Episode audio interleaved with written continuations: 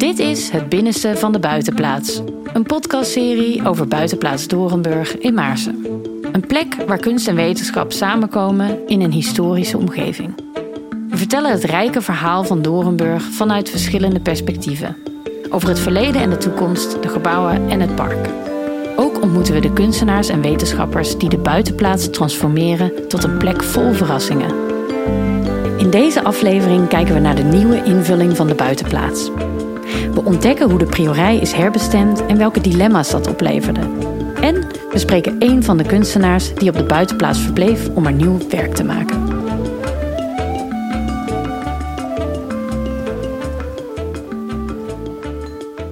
De priorij van Dorenburg staat al sinds de jaren 60 langs de vecht. In weer en wind, jaar in, jaar uit. En zoals bij elk ander gebouw vraagt dat om onderhoud.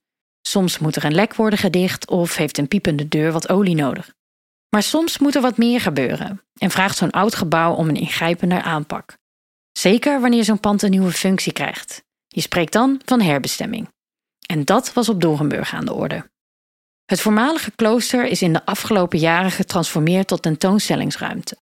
Ook kwam er een residentie voor kunstenaars en wetenschappers en een restaurant.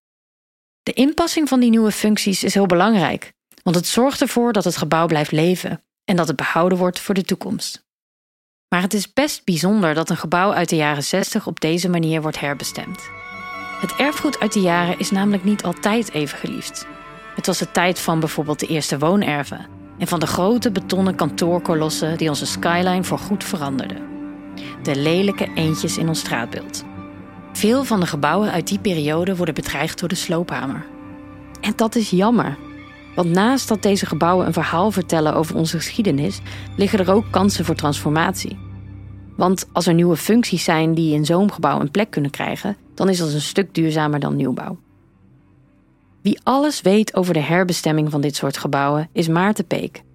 Hij is restauratiearchitect bij Hielkema Erfgoed, het bureau dat zich bezighoudt met de herbestemming van het gebouw.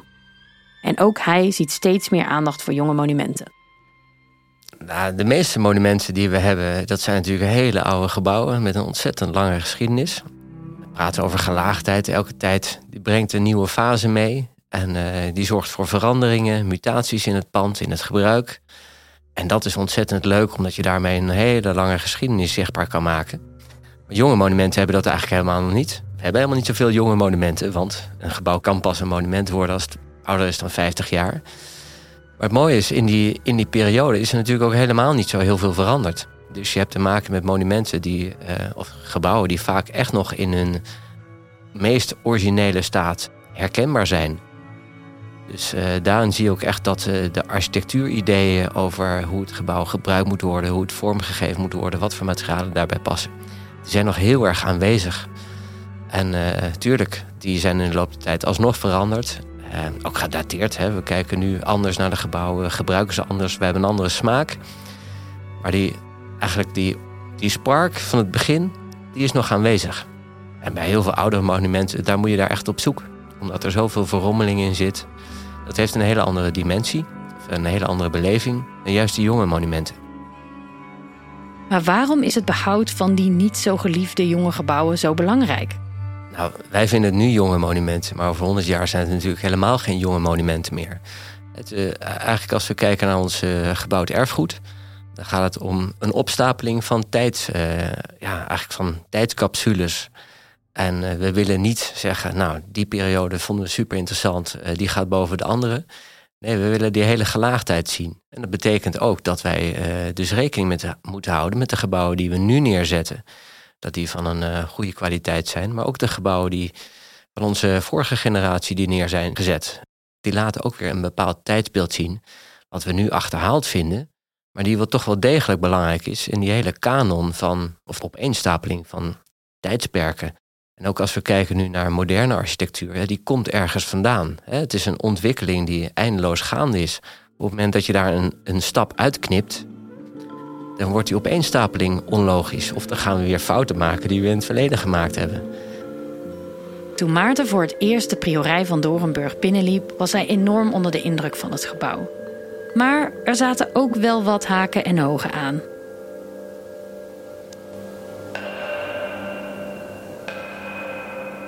De eerste keer dat ik hier kwam, dat is al een flinke tijd geleden. Toen waren de zusters net vertrokken. het pand was eigenlijk zo goed als leeg. Was hartstikke koud, kil. er kwam weinig licht naar binnen. Het was een donkere dag. Overal waar je op sommige plekken kon je naar buiten kijken. Dan keek je door het plafond, tussen de spleten van het hout door. En daar zag je eigenlijk gewoon de buitenlucht in één keer. Maar wat wel opvallend was eigenlijk de, de sfeer die hier overvalt. Het is op, op een bepaalde manier klopt alles. Alleen dat is niet iets wat je kan duiden van... oh, goh, wat zit die deur mooi daarin. Of oh, wat zie ik hier, een mooie compositie. Maar het is een soort van gebouw wat je omhult. En ehm, ja, het, doet iets met je. Er gebeurt iets. Uh, de, de wanden, de vloeren, er is een enorme samenhang en een gaafheid in het geheel. En uh, ja, dat, dat, dat is een hele bijzondere gewaarwording. Uh, juist ook in een, in een pand wat er redelijk vervallen en leeg en kil bij staat. Dat was iets wat direct al heel erg opviel. En pas eigenlijk gaandeweg, op het moment dat je er meer over leest, meer over leert, dan, begin, dan kan je eigenlijk, dan leer je ehm, ja, te zien wat dan die elementen zijn die die ruimte zo sereen maken. Het mooie is eigenlijk dat uh, deze beleving, hè, daar hoef je geen architectuurhistoricus voor te zijn of een architect. Dat is een beleving die eigenlijk iedereen hier heeft. Mensen worden vanzelf stil als ze hier binnenkomen. Een indrukwekkend gebouw dus, maar wel eentje waar veel werk aan de winkel was. En in zo'n rijksmonument kun je niet zomaar het hout vervangen of met een kwast aan de slag. Daar is eerst goed onderzoek voor nodig naar de bouwhistorie, de ideeën van de oorspronkelijke architect en de technische staat van het gebouw. Met die informatie ben je al een stuk wijzer. Maar dan begint het eigenlijk pas. Want hoe pas je het gebouw vervolgens aan aan die nieuwe functie? Hoe verduurzaam je het en hoe ga je om met hedendaagse regelgeving? Het is een spel van passen en meten, van wikken en wegen. Iets waar veel creativiteit en kennis voor nodig is. En zo ontstaat er een totaalbeeld van wat is er nou heel goed aan dit gebouw, of wat vind ik heel goed. En wat werkt er minder goed, of wat werkt er minder goed uh, voor het nieuwe gebruik. En daar gaan we op zoek naar, uh, naar ruimte om deze, dit gebouw zodanig aan te passen dat het karakter optimaal behouden blijft. De architectuurbeleving hetzelfde blijft, maar waarbij we toch de ingrepen kunnen doen waarbij dat nieuwe gebruik mogelijk wordt. En het is een stukje geven en nemen van beide kanten, maar juist daar ontstaat een spanningsveld wat monumenten zo magisch mooi maakt om mee te werken.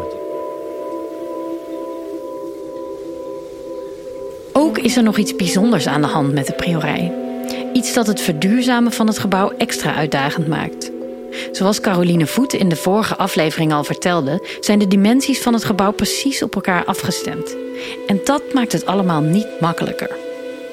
Ja, het, uh, het herbestemmen van, van deze priorij is uh, echt wel bijzonder ingewikkeld, omdat de architectuur echt zo perfect is. Hè? Op, over alles is nagedacht en alles valt binnen dat specifieke maatsysteem. Niet alleen de grote wandvlakken, maar ook gewoon dus het aantal en de positie van de spijkers in een bureau. Als we dan kijken naar uh, die, de architectuurbeleving, die echt waanzinnig hoog is, is tegelijkertijd het comfort in het gebouw is echt minimaal. Het is gebouwd met de goedkoopste en meest eenvoudige materialen. Dus hoe kunnen we dat gebouw dan verbeteren? Ja, de eerste stap is meestal toch kijken van nou, hoe kunnen we zorgen dat we zomers die warmte buiten houden, maar winters die warmte binnen houden. Dus dan kijk je naar isolatie. Dus dan willen we eigenlijk een soort van deken, een warme deken die we niet zelf aantrekken, maar die willen we aan het gebouw geven. Dan moeten we dus allemaal wandjes voor de, voor de binnenkant van de gevel gaan zetten. Nou, die zijn op zijn minst al 10 centimeter dik. Maar als je een element wat helemaal vormgegeven is in dit maatsysteem, met een hoogte, een diepte en een breedte, als je daar 10 centimeter aan de dikte toevoegt, dan wordt die beleving helemaal anders. Het is heel moeilijk uit te leggen hoe dat hier werkt, maar dat maatsysteem is zo perfect. Het is als een schilderij wat aan de muur hangt, of een rijtje schilderijen waarbij er één net scheef hangt. Nou, dat, hoeft, dat kan iedereen zien dat dat een storend element is. En zo werkt het in de beleving van de architectuur van de Bossenschool en zeker in deze priorij ook. Een goed voorbeeld hiervan zijn de ramen en kozijnen van Dorenburg. Samen met Maarten loop ik door de gangen om ze te bekijken. Nou, hier moet je naar het raam kijken. Dit is eigenlijk wel heel kenmerkend. Maarten vertelt over het dilemma dat de ramen opleverden. In het oorspronkelijke ontwerp is alleen enkelglas toegepast. En het vervangen van dat enkelglas door dubbelglas zou natuurlijk een duurzame keuze zijn. Maar eentje die ook consequenties heeft. Want dan zou ook de dikte van het houten kozijn moeten worden aangepast. En daarmee tast je de maatverhoudingen van het gebouw aan. Zo'n scheefhangend schilderijtje waar Maarten eerder al over sprak. Als oplossing zijn op Dorenburg niet alle ramen vervangen. Alleen in bijvoorbeeld de kamers en in de zalen voor bijeenkomsten. Maar in de ruimtes waar je minder lang verblijft, zoals in de gangen, zijn de ramen nog gewoon zoals vanouds. Enkel glas en met de dunne houten kozijntjes, zoals Jan de Jong het bedoeld heeft. Dus hier zien we nog een oud raam. En dit blijft zo, tenzij de, de functie van deze ruimte heel erg verandert. Maar ja, dat het wat kouder is in de gangen is niet zo erg. Maar als je een uur aan tafel zit voor een diner, is het wel heel vervelend als je je jas aan moet houden. Dus daarom is een oplossing in de ene ruimte niet altijd hetzelfde als een oplossing in de andere ruimte. Hij heeft het er maar druk mee gehad, die Maarten. Maar het resultaat is er wel naar. Dankzij de inzet van Maarten en zijn collega's is het gebouw nu nog steeds bruikbaar en geschikt gemaakt voor de toekomst. En die toekomst krijgt mede vorm dankzij de kunstenaars die hier vertoeven als artist in residence. Op de bovenste verdieping van het gebouw, in de voormalige kloostercellen van de zusters, hebben kunstenaars nu werk- en verblijfsruimtes tot hun beschikking. Met slaapkamers, werkruimte en een keuken. Ze krijgen hier de tijd en ruimte om onderzoek te doen, om nieuw werk te maken en om in alle rust te experimenteren. Vaak vormt de architectuur van de priorij voor hen een bron van inspiratie. Op Dorenburg spreek ik af met kunstenaar Bart Lunenburg, die hier in 2022 een paar maanden verbleef. Bart is multidisciplinair kunstenaar en hij woont in Utrecht. Hij had altijd al een fascinatie voor architectuur en erfgoed. En op Dorenburg zat hij dus goed op zijn plek. Mijn naam is eh, Bart Lunenburg. Ik ben uh, kunstenaar en woon en werk in Utrecht. Um, ik ben daar in 2017 afgestudeerd aan de HKU, de Hogeschool voor de Kunsten.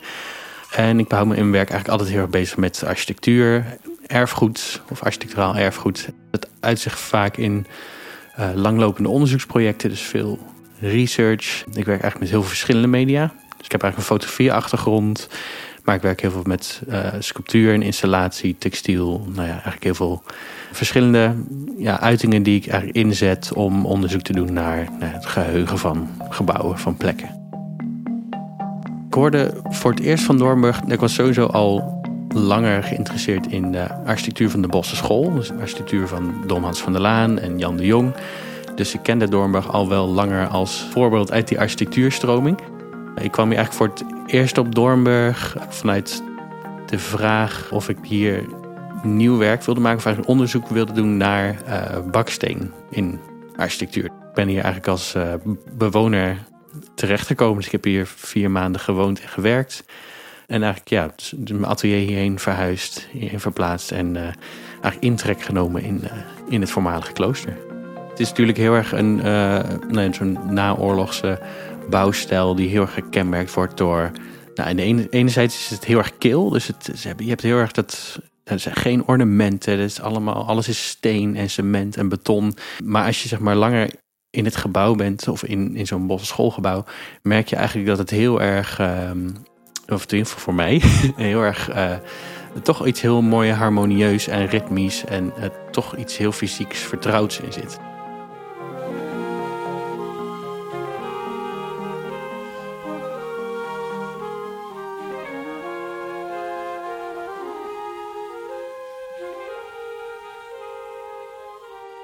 De residentie van Bart kwam tot stand in samenwerking met Kunstalkade in Amersfoort.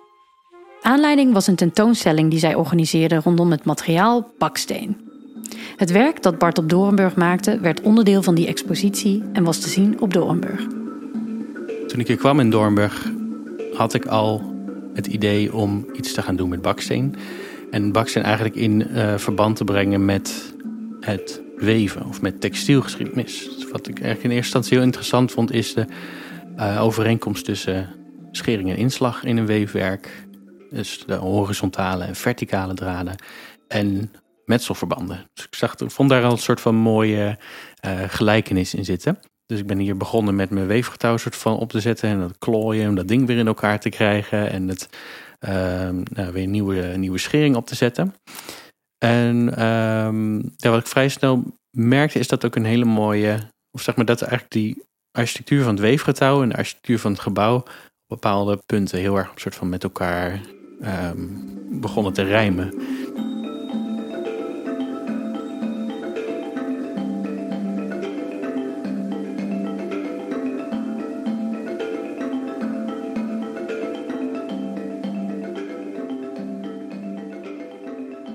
Wat ik vrij snel heb bedacht en uiteindelijk ook in de tentoonstelling heb uitgevoerd, heet Thread to Thread. Dus, um, wat eigenlijk een soort heel groot, uh, enorm, nou, het is bijna 50 meter lang weefwerk, waarin ik eigenlijk uh, samen met iemand um, een weefwerk heb gemaakt door te wandelen door het gebouw. Dus eigenlijk een soort van door samen uh, een soort meerdere klossen, een soort van helemaal af te wikkelen en door te geven. En een soort, nou, we bedenken wel iets van 40, 50 kilometer afgelegd uh, um, om dat werk te maken. Um, is eigenlijk door dat wandelen en het een spoor achterlaten in die soort mathematische geometrie van het gebouw. Eigenlijk een soort hele grote geweven banden ontstaan die eigenlijk een soort zachtere textielere toevoeging zijn op de architectuur. Eerder in deze aflevering hoorde je al over het uitgebreide onderzoek dat voorafging aan de restauratie van de priorij. Voor Bart was dit ook een bron van inspiratie. Wat ook wel interessant was, ik liep een keer uh, toen ik over de buitenplaats liep, ontmoette ik toevallig een van de restauratiearchitecten die hier aan het werk was. En die wees me eigenlijk op een gegeven dat de messing houtschroefjes die hier in de deuren en de ramen zitten, het zijn een soort hele ouderwetse schroeven met, zijn, met een schroefkop. Met gewoon een soort streep of een lijn waar de schroevendraaier in kan. Die moesten van Jan de Jong, de architect, allemaal met de uh, inkeping kaarsrecht naar beneden worden geplaatst. Wat eigenlijk soort van leidde tot een soort conflict tussen de architect en de aannemer of de timmer, timmerlui.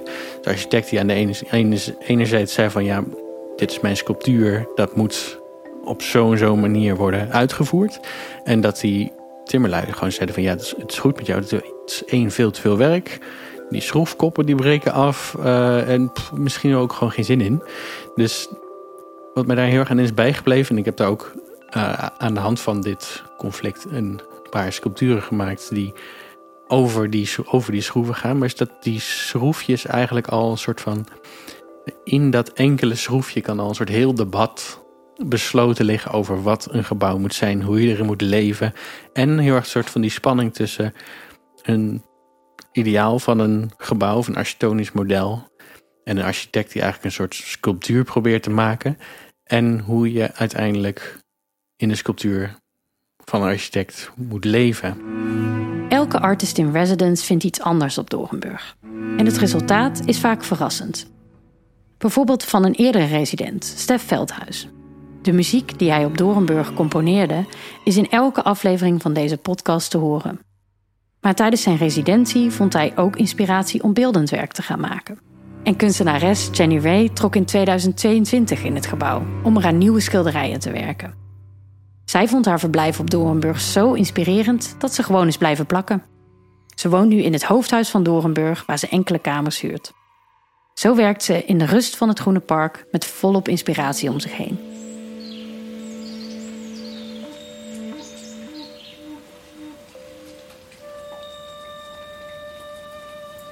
Het is denk ik wat mooi is aan Doornburg is dat je hier heel erg omgeven wordt door een soort hele mooie symbiose tussen architectuur, erfgoed, maar ook de natuur, de buitenplaats. Ik denk voor heel veel kunstenaars heb je, er zijn heel veel aanknopingspunten om mee te werken. Um, tegelijkertijd ook die relatieve afzondering, wat een klooster natuurlijk altijd al wel heeft gehad, wordt eigenlijk wel een soort van voortgezet. Dus drie, vier maanden afgezonderd aan een bepaald project werken, uh, geeft natuurlijk ook wel echt een soort van rust en concentratie om. Um, je kan eigenlijk best veel doen in, in een paar maanden tijd. Als je um, een soort van een relatieve afzondering leeft. Um, en ik heb bijvoorbeeld, ik heb hier in de winter gezeten. dus ik begon in februari en ik heb een soort van heel langzaam lente zien worden op de buitenplaats. En dat is toch ook wel een soort van een ervaring die je in de stad veel minder zou hebben. Dus je ziet er langzaam zie je de ehm, bloemen weer opkomen, blad weer aan de boom komen. Dus je voelt echt ook een soort van de overgang van de seizoenen veel bewuster.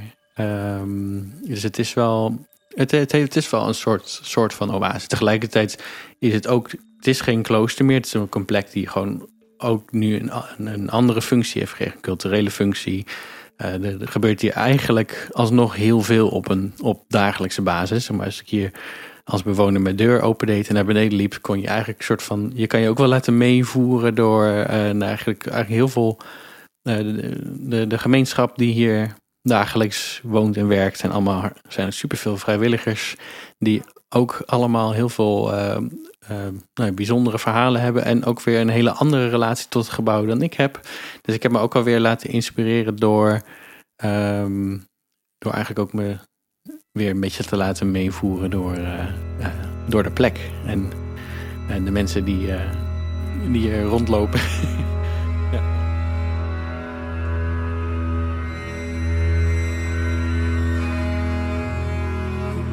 Hopelijk kunnen nog veel kunstenaars gaan genieten van deze plek.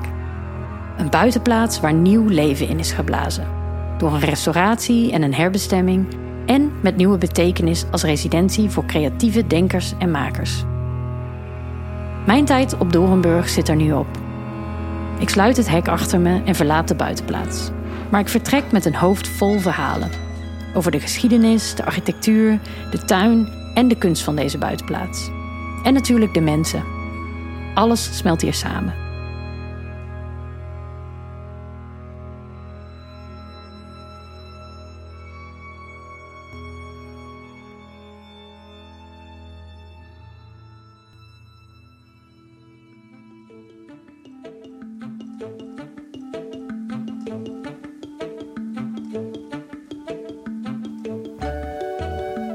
Ben je ook benieuwd geworden?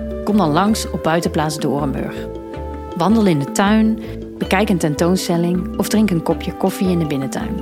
En ontdek, net als ik, het binnenste van de buitenplaats.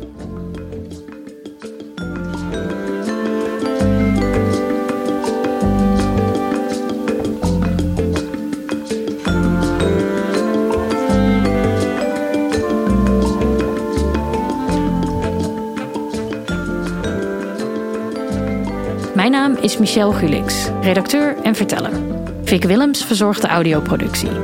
De soundtrack is gemaakt door muzikanten Felbum en Stef Veldhuis, die deze stukken schreven tijdens een residentie in de Priorij. Deze podcastserie wordt mede mogelijk gemaakt door Stimuleringsfonds Creatieve Industrie, Stichting Karel Ningeman Fonds, Provincie Utrecht en Cultuurfonds Stichte Vecht.